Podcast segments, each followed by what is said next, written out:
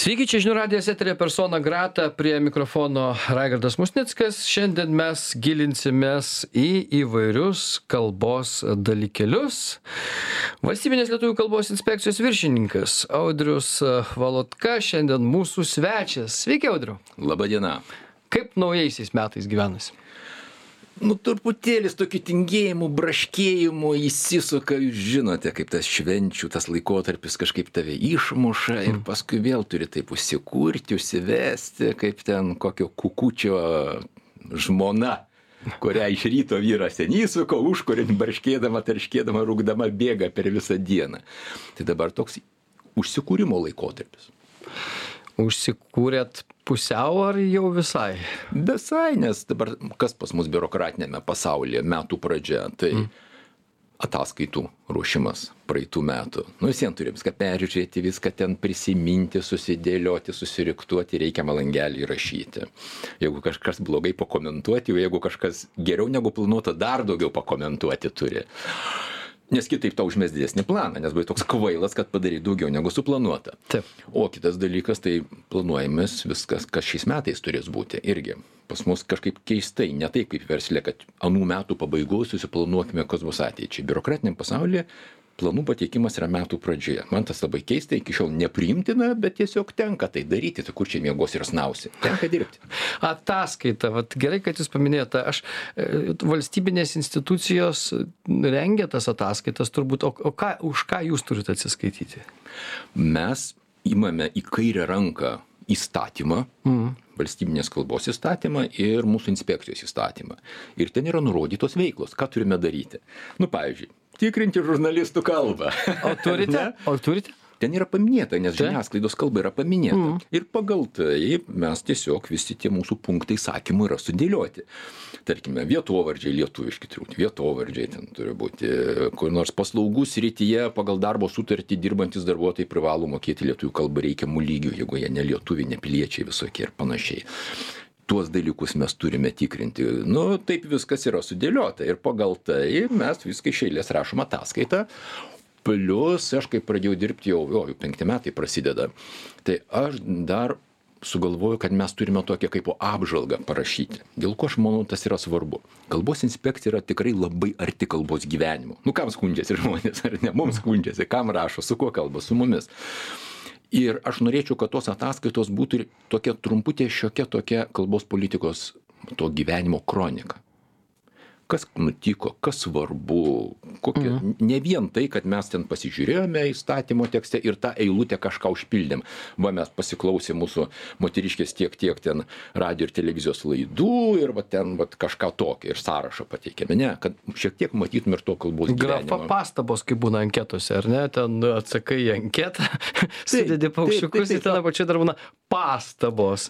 Taip, ir šiaip iš tiesų tos ataskaitos jos tokios na, anketinės, išskyrus gal bi- teisės visokius dalykus. Jeigu su kažkuo bylinėjomės, tai aš jau prašau, kad mūsų teisininkas dainius jisai taip jau gana išsamei aprašytų, kad ir paprastas žmogus suprastų, nes ta teisės kalba yra baisoka kalba, kai bandai skaityti kokį konstitucinio teismo išvadą, kur ten milžiniškos pastraipos vienas sakinys, tai va tokius dalykus mes gana išsamei aprašome. Jau ne anketinių kažkokių. Jūs būdų. ją viešai pateikinėjate tą paskaitą, bet aš taip. turiu omeny viešai, tai ne tai, kad spausdinat ar kažkaip ten, bet ar jums reikia iš Seimo tribūnos ją pristatyti? Ne, ne, ne, ne. Nereikia. Mm, Kitaip yra, e, šita, vat, šitoj mūsų ataskaita yra pateikiama kalbos komisijai. Mes esame atskaitingi. Taip įdomu, mes pavaldus kultūros ministerijai ir atskaitingi kalbos, e, kalbos komisijai, nes Lietuva yra trys kalbos politikos institucijos - kultūros ministerija, komisija ir mes tokie mažiausi, patys visais požiūriais mažiausi ir pavaldus. Tai ir mes teikiame jiems ir visos tos ataskaitos gražiai suformatuotos, mūsų puslapį yra vki.lrv.lt ir ten be problemų surasite visas mūsų pastarųjų metų ataskaitas. Imkite, tad ir skaitykite, tad skaitydami permanykite. Tai jeigu taip bendrais bruožais, e, kas nusipelnė didžiausio dėmesio e, jūsų, jūsų inspekcijos šie- šiemet? Na, ta prasme, už ko kliuvo jūsų, sakykime, darbo a, m, visi tie kabliukai kokie nors ten vis tiek jūs inspektoriai taip reikėtų sakyt inspektoriai ar ne nu bet kokiu atveju inspektuojat tai reiškia priinspektavot Mhm. ir nu ten galima sakyt ten turėtumėt skirt gal kažkokias baudas dar kažką aš nežinau dabar ten skiriat nes Nesvajokit apie tas baudas. Jo, mes nesva- Negausit jūs tų baudų, nesulauksit. Na. o gal ir galėtumėt skirt iš karto. Tai gerai, vat- gerai, paskirsim. Paskirsim jums Raigardai, baudelę. Nu, pen, kokį 15 eurų baudikė jums. Norite? Jūs taip senai baudos negauti. Tai jūsų garsioji bauda, kur 5 litus jums skiria Malinskas ir pats paskolino 5 litus tai baudai susimokėti. Galim pakartoti. Ne, iš tiesų, Dabar jau- žiūrėkite, grįžkim prie akcentų.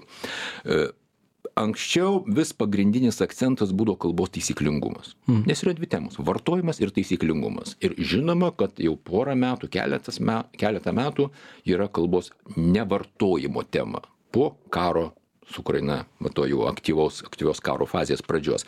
Nes Lietuvai šiuo metu šviežiausia informacija yra 84 tūkstančiai Ukrainos karo pabėgėlių. Tai daug Lietuvai, tikrai daug. Plus dar privažiavo Baltarusių, Rusų, dar apie 60 tūkstančių žmonių yra atvykę.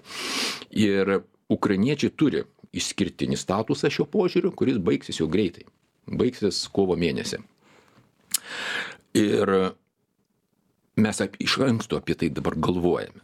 Tai uk- ukrainiečiai, rusų kalbos labai didelis paplitimas miestuose, tai yra pagrindinė tema. Pagrindinė tema. Ir čia jūsų pagrindinė tema ar visuomenės pagrindinė tema man dėl to kad vienas su kitu yra labai Taip, nes, susiję. nes iš Sutikite, tikrųjų tai visuomenė labai rėžiausi, labai daug kur yra, e, mes tikrai labai pajutėm, kad labai daug rusiško šnektos absoliučiai visur. Taip. Ir žmonių nepasitenkinimo iš tiesų yra daug. Aš ne tik dėl to, kad mums ten paskambina ir ką nors apie tai pasakoja. Socialiniuose tinkluose, žiniasklaidoje. Apie tai šiais metais tikrai daug yra rašoma. Ir štai dabar 80 kelių tūkstančiai žmonių. Iš jų, na, darbo rinkoje koks trečdalis yra. Informacija buvo praeitą pavasarį 23 tūkstančiai darbo rinkoje. Iš jų turbūt gal nemaža dalis, kurie tiesiogiai bendrauja su pacientais, su klientais, su pirkėjais. Ir šitiem žmonėms m, po 24 mėnesių nuo jų nuo to jau prisiregistravimo, sakykime, banaliai Lietuvoje, jie jau turi mokėti lietuvių kalbą. Pagal tai, kokį darbą dirba. A2, B1, nu, B2, tai jau neturbūt tokio lygio čia valstybės tarnyboje reikėtų, dar kai kur. Tačiau, pavyzdžiui, medikai B1 lygis, tai yra reikalingas. Ir ar tikrai tie žmonės išmoko? Žinoma, ne visi. Kodėl neišmoko? Dėl to, kad kelios priežastys yra. Ir čia jau tyrimų pridaryta per tą laiką. Viena priežastis yra ta, kad žmonės tikėjosi, tas karas greit pasibaigs. Ar ne? Iš pradžių jie turėjo tokio entuzijazmo. Karas pasibaigs, mes grįšime, bent jau dalis grįš į Ukrainą. Ir iš pradžių, kai buvo pirmas tyrimas darytas, dabar datos gerai negalėčiau prisiminti, gal prieš metus, tik ar 17 procentų sakė, mes čia norėtume likti Lietuvoje. O jau po to, kai lapkričio mėnesį rytų Europos studijų centras Jeneliūno, man atrodo, buvo darytas ir dar kažkieno tyrimas, tai jau didelė dalis tų žmonių jau jie sako, mes vat, vis dėlto liksime Lietuvoje. Vadinasi, tų žmonių yra netaip ir mažai. Tai dabar tie žmonės iš pradžių sakė, nereiks mums turbūt lietuvių kalbos, pagyvensim dar čia tris mėnesius, viskas susitvarkys ir grįšim savo rytų Ukrainą. Ir nesimokė kalbos. E, toliau kitas dalykas, dalis norėjo mokytis, bet kur mokytis?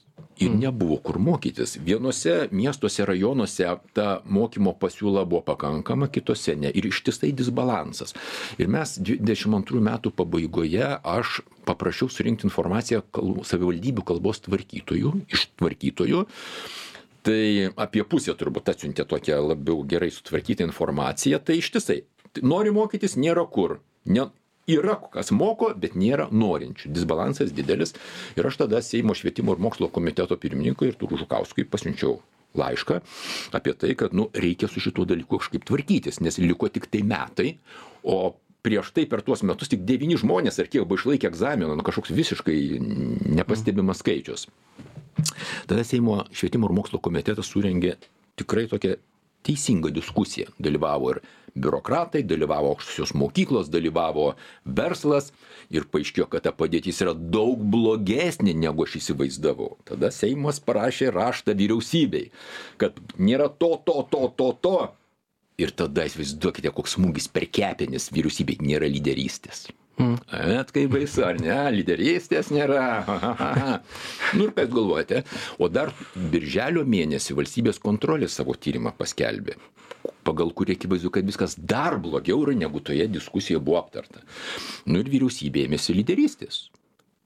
Lapkričio pabaigoje susirinko tarp žiūrėkit nepraėjo nė pusė metų ar ne nuo nuo nuo to kai laišką parašė ne jau praėjo metai kai seimas parašė laišką susirinko tarpinstitucinė darbo grupė nu ir ėmė galvot ką čia daryti visų pirma kuri ministerija atsakinga? Nu kaip jūs raigardai manot jeigu susirenka keturios ar penkios ministerijos vienoj vietoj ir viena iš jų turi tu jai turi primesti lyderystę kas vyksta tada pro tada pasitarime spėkite Nežinau, ieško lyderio.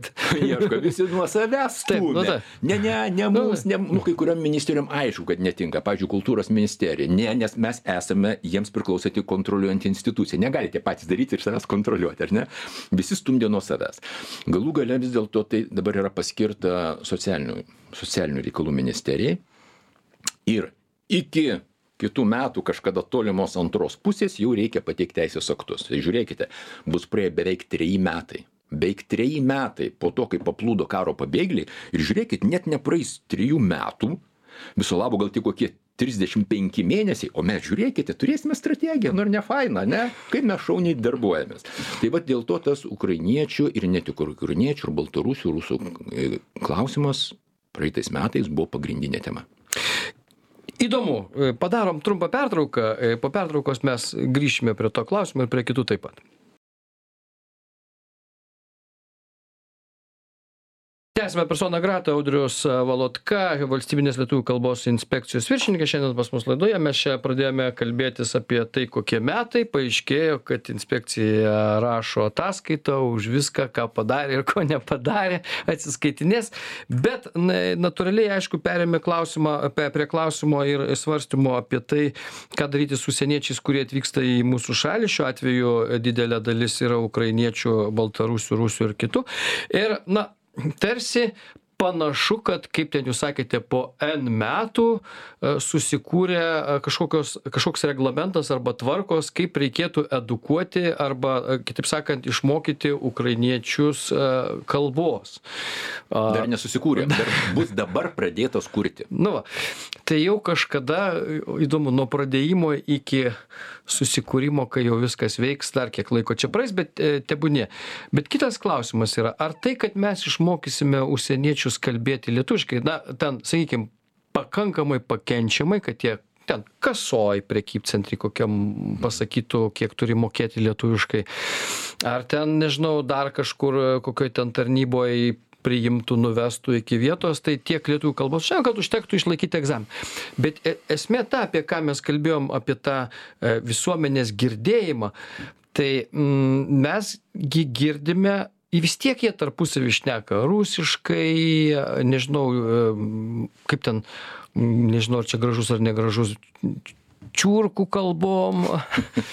Kaip čia reikėtų pasakyti dabar teisingai jūs turbūt geriau žinote nes visuomenė taip ir sako čiurkos ir čiurkos. Aš nežinau kaip teisingai reikia sakyti. Tai klauskite naujųjų komsomolcų jie viską žino apie tai Naujųjų komsomolcų. Tai naujųjų, naujųjų komsomolcų, neokomunistai, jie viską apie tai žino, jų klauskite, jie papasakosiu. Čia kokiu adresu jie. Tai paskui pasakysiu, yra tokių. Mhm. Nes, man atrodo, tai va. Ir, ir, ir tas irgi visuomenė piktina tas šnekta gatvėje, jos daug yra būtent e, kitatautiškos, nepaisant to, kad jie gal dėl, dėl egzamino ir išmoks, sakykime. Supratau klausimą ir maždaug stengiuosi atsakyti. Mes pirma neturime prievolės ir moralinės teisės kažkaip tuos žmones spausti taip kad jie visur bendrautų lietuviškai. Lietuvių kalbos politika nėra asimiliacinė politika. Niekas pavyzdžiui lietuviškose mokyklose jeigu ukrainiečiai ar rusiukai ar baltarusiukai tarp savęs per pertraukas kalbės rusiškai niekas jų nebaus kaip kokioj prancūzijoj kad būdavo breto bretanija vaikam pakabindavo lenteles aš ten per pertrauką šnekėjau šlykščia ten bretonų kalba mūsų nėra tokia politika kaip prancūzijoje nes aiškiai atskiriame O štai Prancūzija yra didelė. Viešąją sferą atskiriame mūsų... ir atskiriam privačią sferą ir bendruomenės, tautinių bendruomenių sferą. Ten, kur yra tas vidinis bendruomenių gyvenimas, niekas į tai nesikiša. Net ir ant bendruomenių namų jie gali rašyti užsienio kalbomis ir mes nesakysim, o kodėl jūs nerašot vien tik lietuviškai. Tai mūsų kalbos politika nėra asimiliacinė ir to nereikia. Jokiu būdu to nereikia. Nes tai būtų žmonių nutautinimas nususinimas. Vyktų kažkas panašaus kaip buvo vilniaus krašto okupacijos metais kai buvo ta polonizacijos tokia politika. Mes mums tai nėra pavyzdys. Dabar kitas dalykas. Tie žmonės turi nu darbo aplinkoj tik taip kalbėti. Ir koks nors kasininkių pavyzdys nu jis toks akivaizdžiausias bet mes pagalvokime apie kitą sritį ką aš atkreipiau dėmesį. Taip jau nutiko kad pernai man teko daug visokiose ligoninėse lankytis ir tas kur slaugės ten kažkokios tais tokiais žaliai apsirengusios moteriškės vaikšto aš jau iš klausos jau girdžiu net jeigu šneka lietuviškai tai yra ištisai slavės. Mm taip tiesiog susiklostė. Gydytojai gražiai kalba lietuviškai daugiausia išskyrus kur akivaizdus užsienietis atvykęs. Pavyzdžiui tokį chirurgą ten sutikau kažkur iš pietų kraštų iš viso ten atvykusį tokį o o o ir dabar guli ligonis. Tas ligonis yra gal visiškai ten kokia senutė kuri sunkiai orientuojasi sunkiai kalba jos nori paklausti jai kažką nori pasakyti prieina slaugė ir dabar ta slaugė nemoka lietuvių kalbos. Įsivaizduojate kokia tai yra situacija to žmogaus.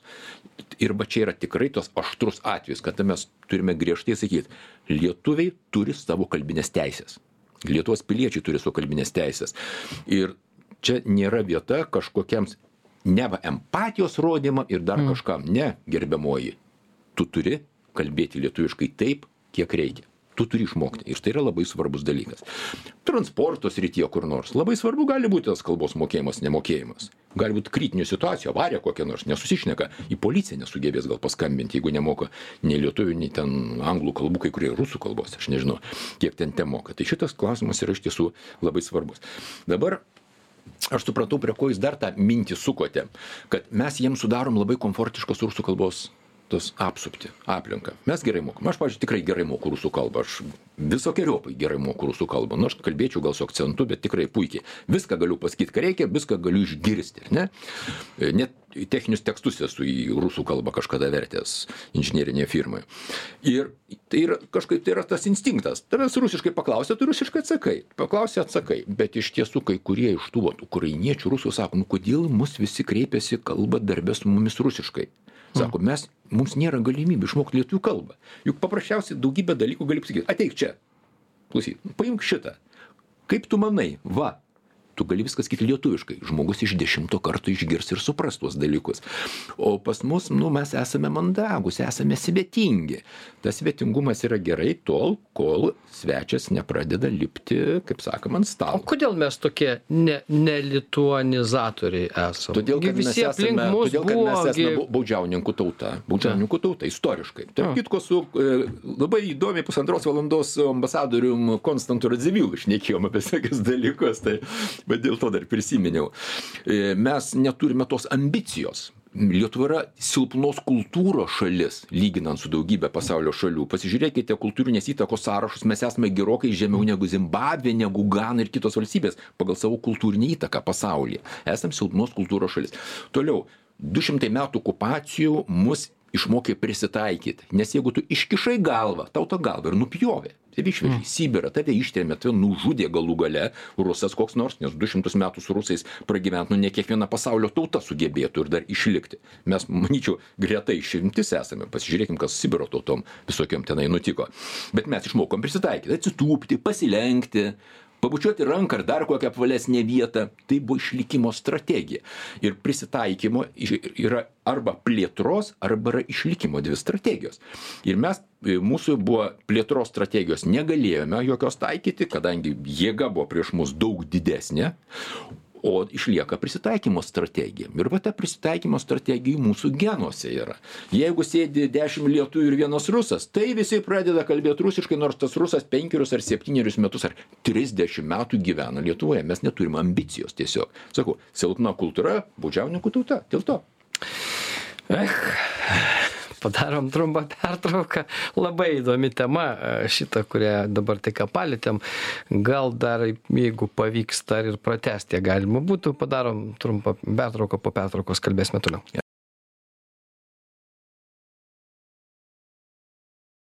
Tęsiame persona grata audrius valotka valstybinės lietuvių kalbos inspekcijos viršininkas. Šiandien pas mus mes pi pirmą dalį laidos pabaigėm ties tuo kad silpna mūsų kultūra. Ir, ir dabar, vat, kai žiūri į istoriją tam tikrą prasme, nu mes, jūs, jūs irgi reagavote į tą mano pasakymą apie kultūrą, dėl to, kad man atrodo, kad visos šalis, kurios čia mūsų aplink mus yra, tiek vokiečiai, tiek rusai, tiek lenkai, jie visą laiką per tą kalbos prizmę stengiasi tautas vienaip ar kitaip engti. Na, o mes sakom, ne, mes nelituanizuosime, tai negerai ten spausti ir visa kita. Ir tuo tarpu visi kiti nekreipia į tai dėmesio ir ir ir ir vat kalbant sakykim nuo kalbant apie viduramžius apie mūsų valstybės ištakas ar tai nėra problema kad mes nesuvokiam kalbos kaip instrumento kuris galėtų na sakykim e, padėti išsaugoti na mūsų imperiją kuri e, sakykim buvo gana didžiulė.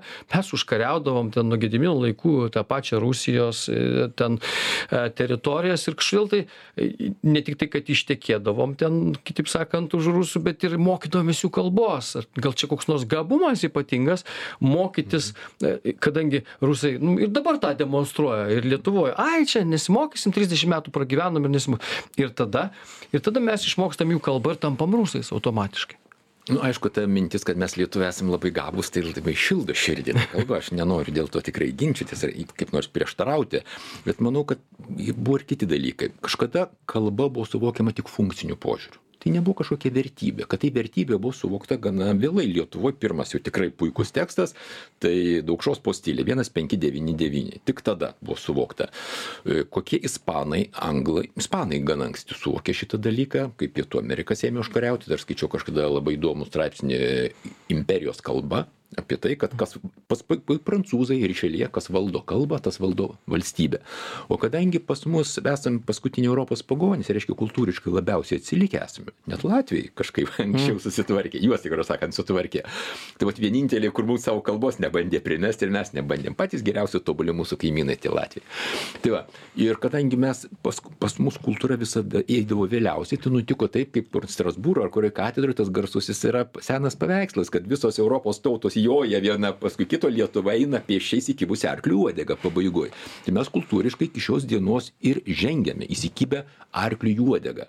Ir tas devynio devynioliktam amžiuj tiktai mes supratome kad mums reikalinga kažkokia ta mūsų kalba.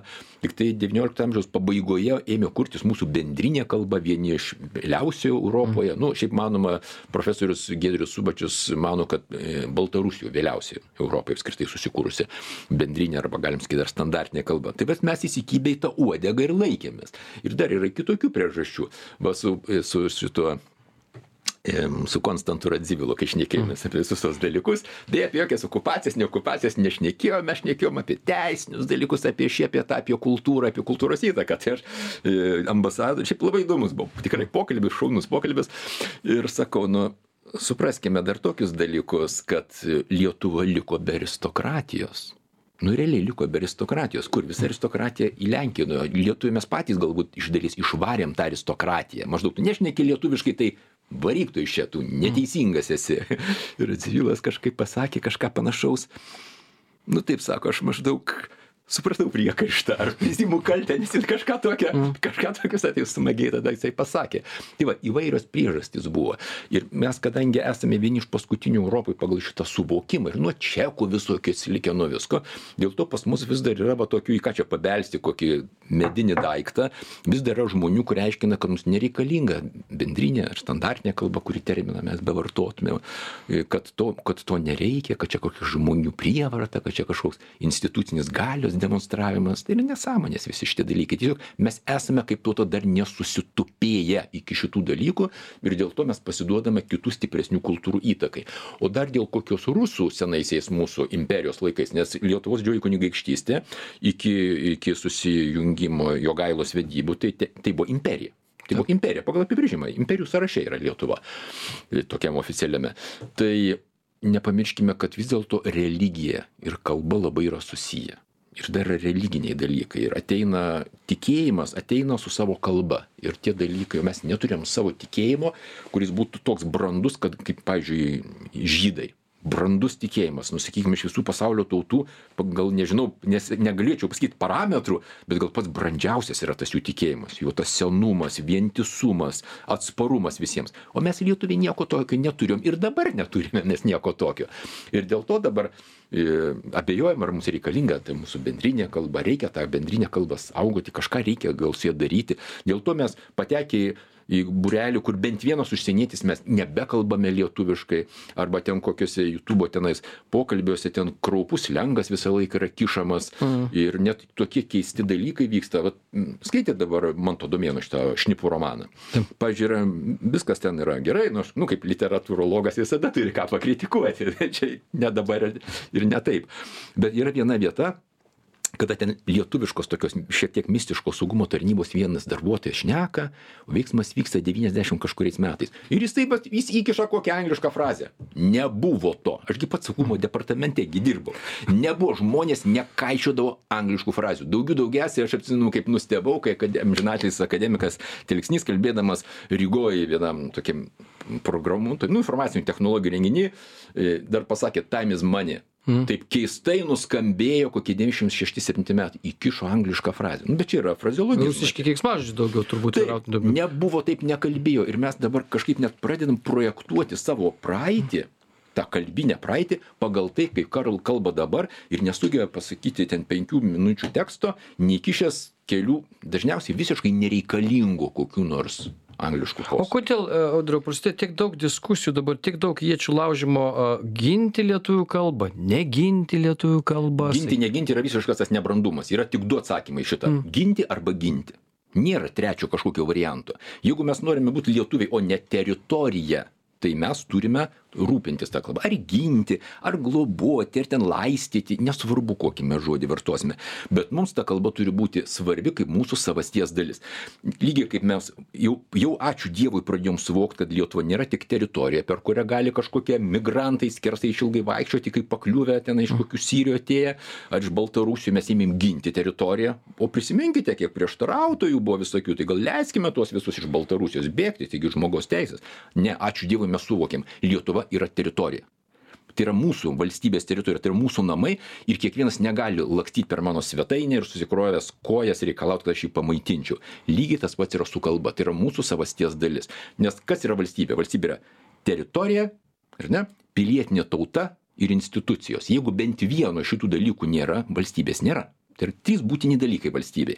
Ir mūsų pilietinė tauta turi jau subręsti kad suvoktų lietuvių kalba yra mūsų savasties dalis. Jeigu tu lietuvis tau rūpi lietuvių kalba jeigu ne Bet va, tuos klausimus kelia ne tik tai ten, sakykime, liberalūs politikai, na aš nieko tikrai neturiu prieš liberalizmą, gal priešingai net, bet, e, bet e, iš esmės, e, va, lietuvių kalbos atžvilgių, tai e, nu, gali suprasti ten, sakykime, tą bendrą liberalizmo liniją, kuris sako, nu viską paleidžiam taip, kaip yra ir ten susitvarkys, jeigu kalba stipri, jinai ten iš esmės pati susidėlios dalykus, bandoma lyginti su, su kokia nors Didžiaja Britanija, kur ten, sakykime, anglų kalba ir kur ten šimtas šalių dirba su, ta kalba arba kitaip sakant vartoja tą kalbą ir, ir čia įdedama lietuvėlė mūsų irgi į tą kontekstą, kas turbūt nėra visiškai teisinga Visiškai. lyginti tuos dalykus. absoliučiai Ir tai, bet ne iš liberal, kaip ten, li, su liberalėjusių politikų, bet ir kartais iš kultūros visuomenės atstovų mes, na, girdime tokius dalykus, kad ką čia inspekcijos, ką Na gerai, čia dėl, ka- palygin, gerai, dėl palyginimo pradėkime iš pradžių. Kad lygina ten su anglų kalba. Taip, įleiskime akvariumą ryklį ir karosą. Ir pasakykime, jūs čia tvarkoj viskas, nuspręsite, kas yra. Jeigu mums tas karosas yra ryklio maistas, nevertybė taip. Bet jeigu ten mūsų vaikas įkrito į tą baseiną, tegu nuspręskime, kaip čia viskas yra. Vaikas gal vertybė mums, ar ne? Ir mes elgsimės kitaip. Ir mano atsakymas į lyginimus su anglų kalba, su ten institucinė struktūra, ten teismės, ko tik nori. Jokių problemų. Aš viskam pritariu. Palaukime, kol lietuvių kalba taps labiausiai pasaulyje vartojama svetima kalba, kol, kol lietuvių kalba bus pagrindinė informacinių technologijų kalba, kuri bus pagrindinė pasaulio mokslo kalba, kuris pagrindinė tarptautinio bendravimo kalba. Ir tada po poro šimtų metų grįžkime prie šitos temos. Pakalbėkime apie tai. Štai mano ir atsakymus. O jeigu jums neužtenka smegenų suvokti, kad anglų kalba ir lietuvių kalba yra visiškai skirtingose pozicijose, su jumis ponai nėra apie ką nediskutuoti. Dabar į mūsų intelektualų pasaulis. Nu, žinot, kokia bėda su tais intelektualais.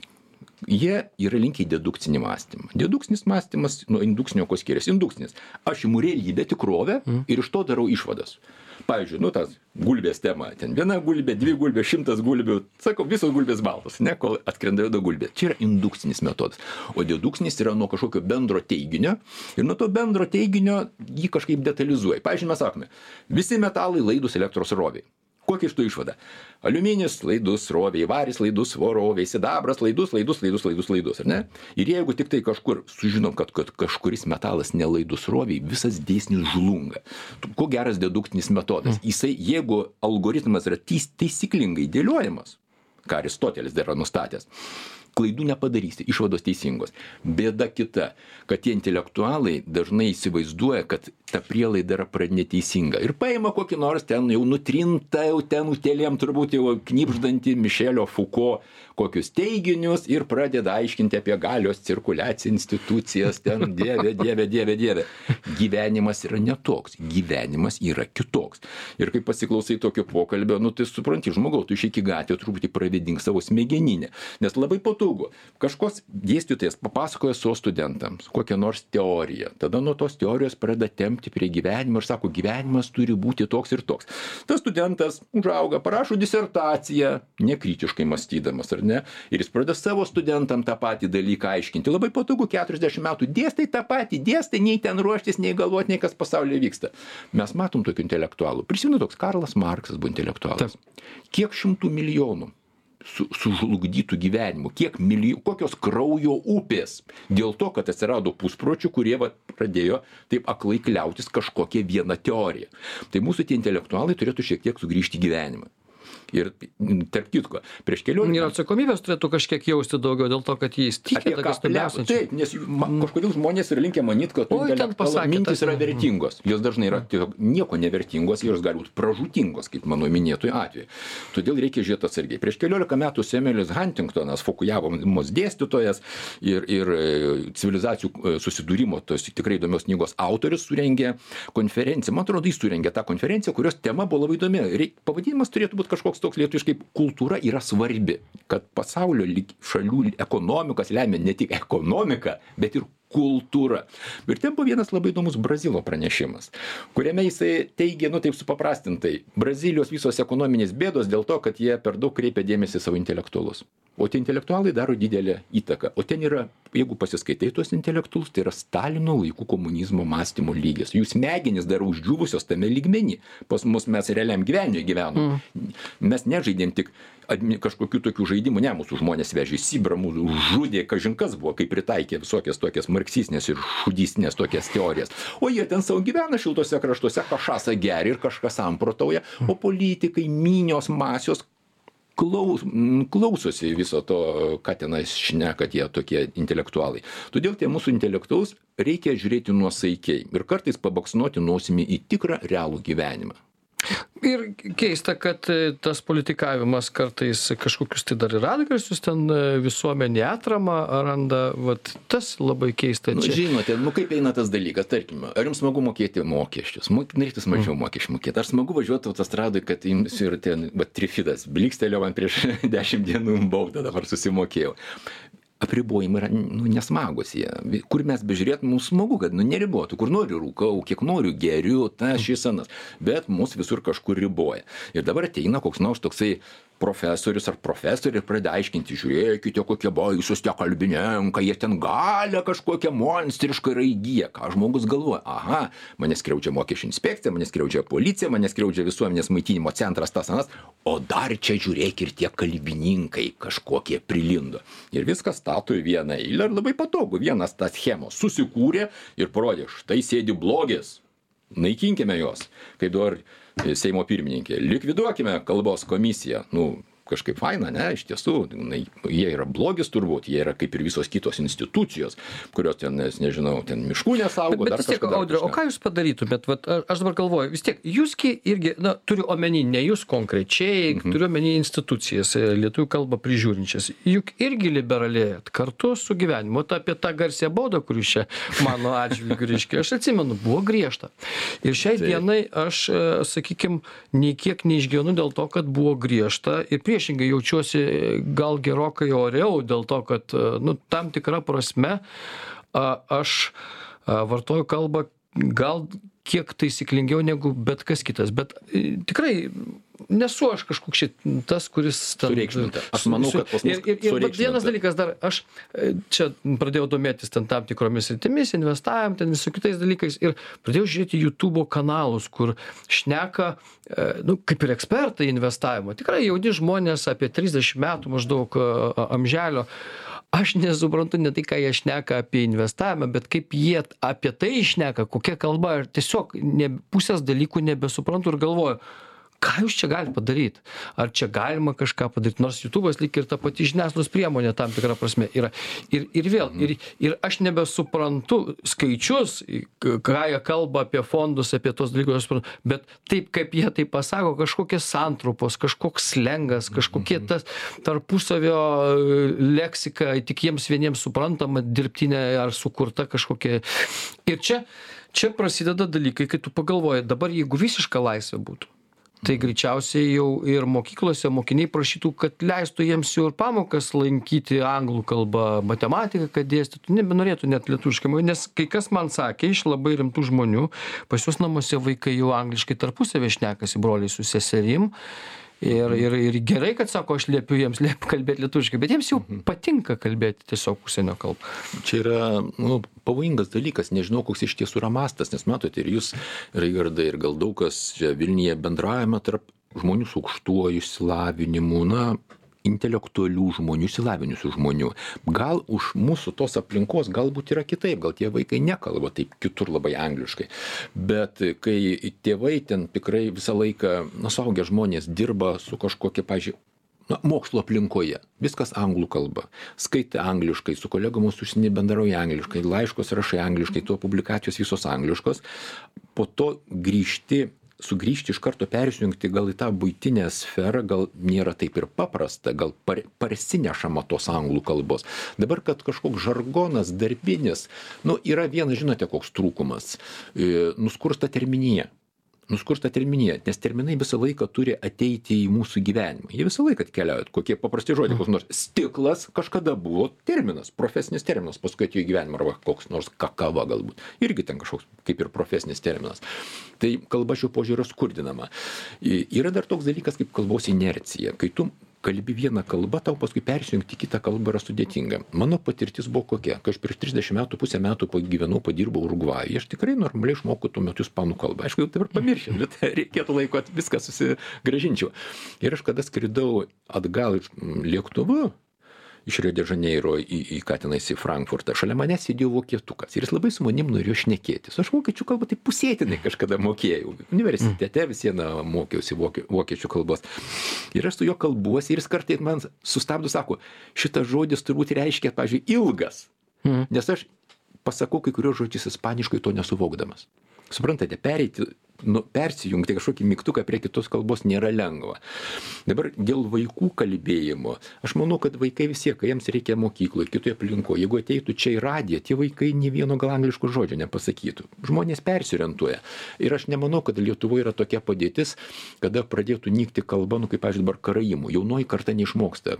Karaimų keliasdešim tik žmonių bemoka. Bet strigtų kalbiniai sugebėjimai aš manau vat aš turėjau vieną ne, ne, žmogelį. Ne, ne, perdavimas iš kartos į kartą. Pats svarbiausias yra kriterijus. Jeigu iš kartos į kartą nebeperduoda kalbos, tai ta kalba miršta viskas. Kai kalba kalba tik senukai ir tai lieka ten kokie bendruomenės arba liturgijos kalba, viskas. Tai kalba jau, jau grabas tuks į užpakalį. Bet, Viskas. bet, bet vat, aš turėjau čia e, jauną žmogų studijoje, kuris e, studijavo, nestudijavo, uža, ne, neužaugo, bet gal buvo kelis metus emigrantas, e, kelius metus e, ten Didžiojo Britanijoje grįžo, jis kalba puikiai, be akcento, akcentas panevežietiškas mhm. likęs, bet trūksta žodžių. Jis Sako, nu, kai klausi, bandai, kad jis išvystytų temą, turi labai daug klausimų užduoti, nes, sako, man tiesiog trūksta žodžių. Ir va tas Nebendraudavo lietuviškai. nebendraudavo lietuviškai Taip, bet taip. jeigu čia dabar jaunimas ir vaikai tarpusavy irgi pradeda mokyklose ir visur kitur angliškai tuoj pradės Kalbos trūkt. prestižas. Anglų kalba turi aukštesnį prestižą. Kol sakau, esame baudžiauninkų tauta. Mums laiką reikia pono kokį nors. Ponas kalba lenkiškai, o aš pramokau lenkiškai tenais pasakyti pšekref, o aš jau esu arti to bajoro, ar ne? Čia yra kalbos prestižo dalykas. Kalbas ir anglų kalba be jokios abejonės yra prestižinė kalba. Ir kalba visokie lyderiai visokie ten jog dainininkai dainuoja sportininkai tenais kokie amerikoj dar kitur angliškai angliškai angliškai. Tai yra perėjimas prestižo dalykas. O dar vienas dalykas kokioj paauglystėj na žinot reikia daryti kitaip ar ne? Jeigu taip liepia tai aš darysiu kitaip. Bet aš nemanau kad būtų didelis pavojus.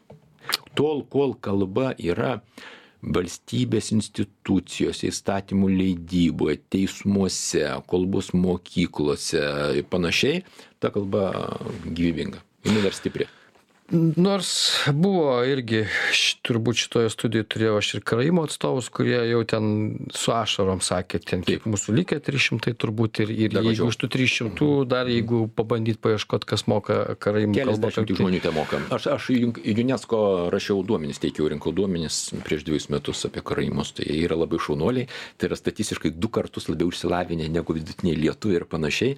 Bet ta kalba jinai jų fu funkcinio tokio nebeturi jokios nu tiesiog kaip žaisliukas kiek kiek reikia kad lietuvoj liktų mokančių lietuvių kalbą kad aš tai tuos dalykus laiką lyginu su beždžionėmis ir žmonėmis. Kiek kiek atrodo yra genetinis minimumas žmonėms? Atrodo du tūkstančiai vienetų. Jeigu jau mažiau negu du tūkstančiai planetoj liktų žmonių tai jau prasidėtų toks maišymasis kada prasidėtų genetinės ligos nu ir kažkoks nykimas. Tai man atrodo žmogbeždžionės ir žmonės e, yra du tūkstančiai tai aš manau kad du tūkstančiai bet ne nuo kiekio priklauso nuo ambicijos. Priklauso nuo ambicijos visi šitie dalykai.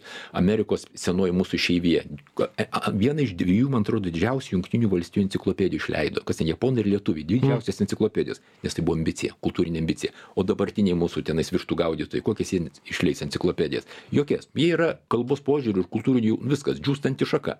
Nereikia ten juos labai investuoti nebent jie grįžtų į lietuvą. O tenais mėtyti pinigus kad kažką ten bandytum juos pritraukti tai tik tuos kurie iš tikrųjų nori kurie turi ambicijos kad jų vaikai kalbėtų lietuviškai. Beje užpernai ebit konferencijoje šnekėjau su vienu verslininku grįžęs iš lietuvos keturi vaikai. Sako kai mes pamatėm kad jau nebegalime priversti vaikų kalbėti tarpusavy namuose lietuviškai mes grįžome gyventi dirbt lietuvoje. Va toks yra dalykas. Štai taip. Turbūt verta visiems čia sprendimų priėmėjams pasiklausyt apie ką šiandien mes kalbėjome ir ir kur yra gili gilios šaknys mūsų kalbos ir ir gaila kad taip trumpai tai ne paskutinis kartas. Audrius valotka valstybinės lietuvių kalbos inspekcijos viršininkas šiandien buvo mūsų e, svečias. Ačiū audriau kad atvykote ir jums kuo didžiausios sėkmės jūsų darbuose ir nebijokite jokių negandų skrendančių juodų. Mes nebijom. Mes su jumis. E, tiek šiandien laidoje e, persona grata. Iki kitų kartų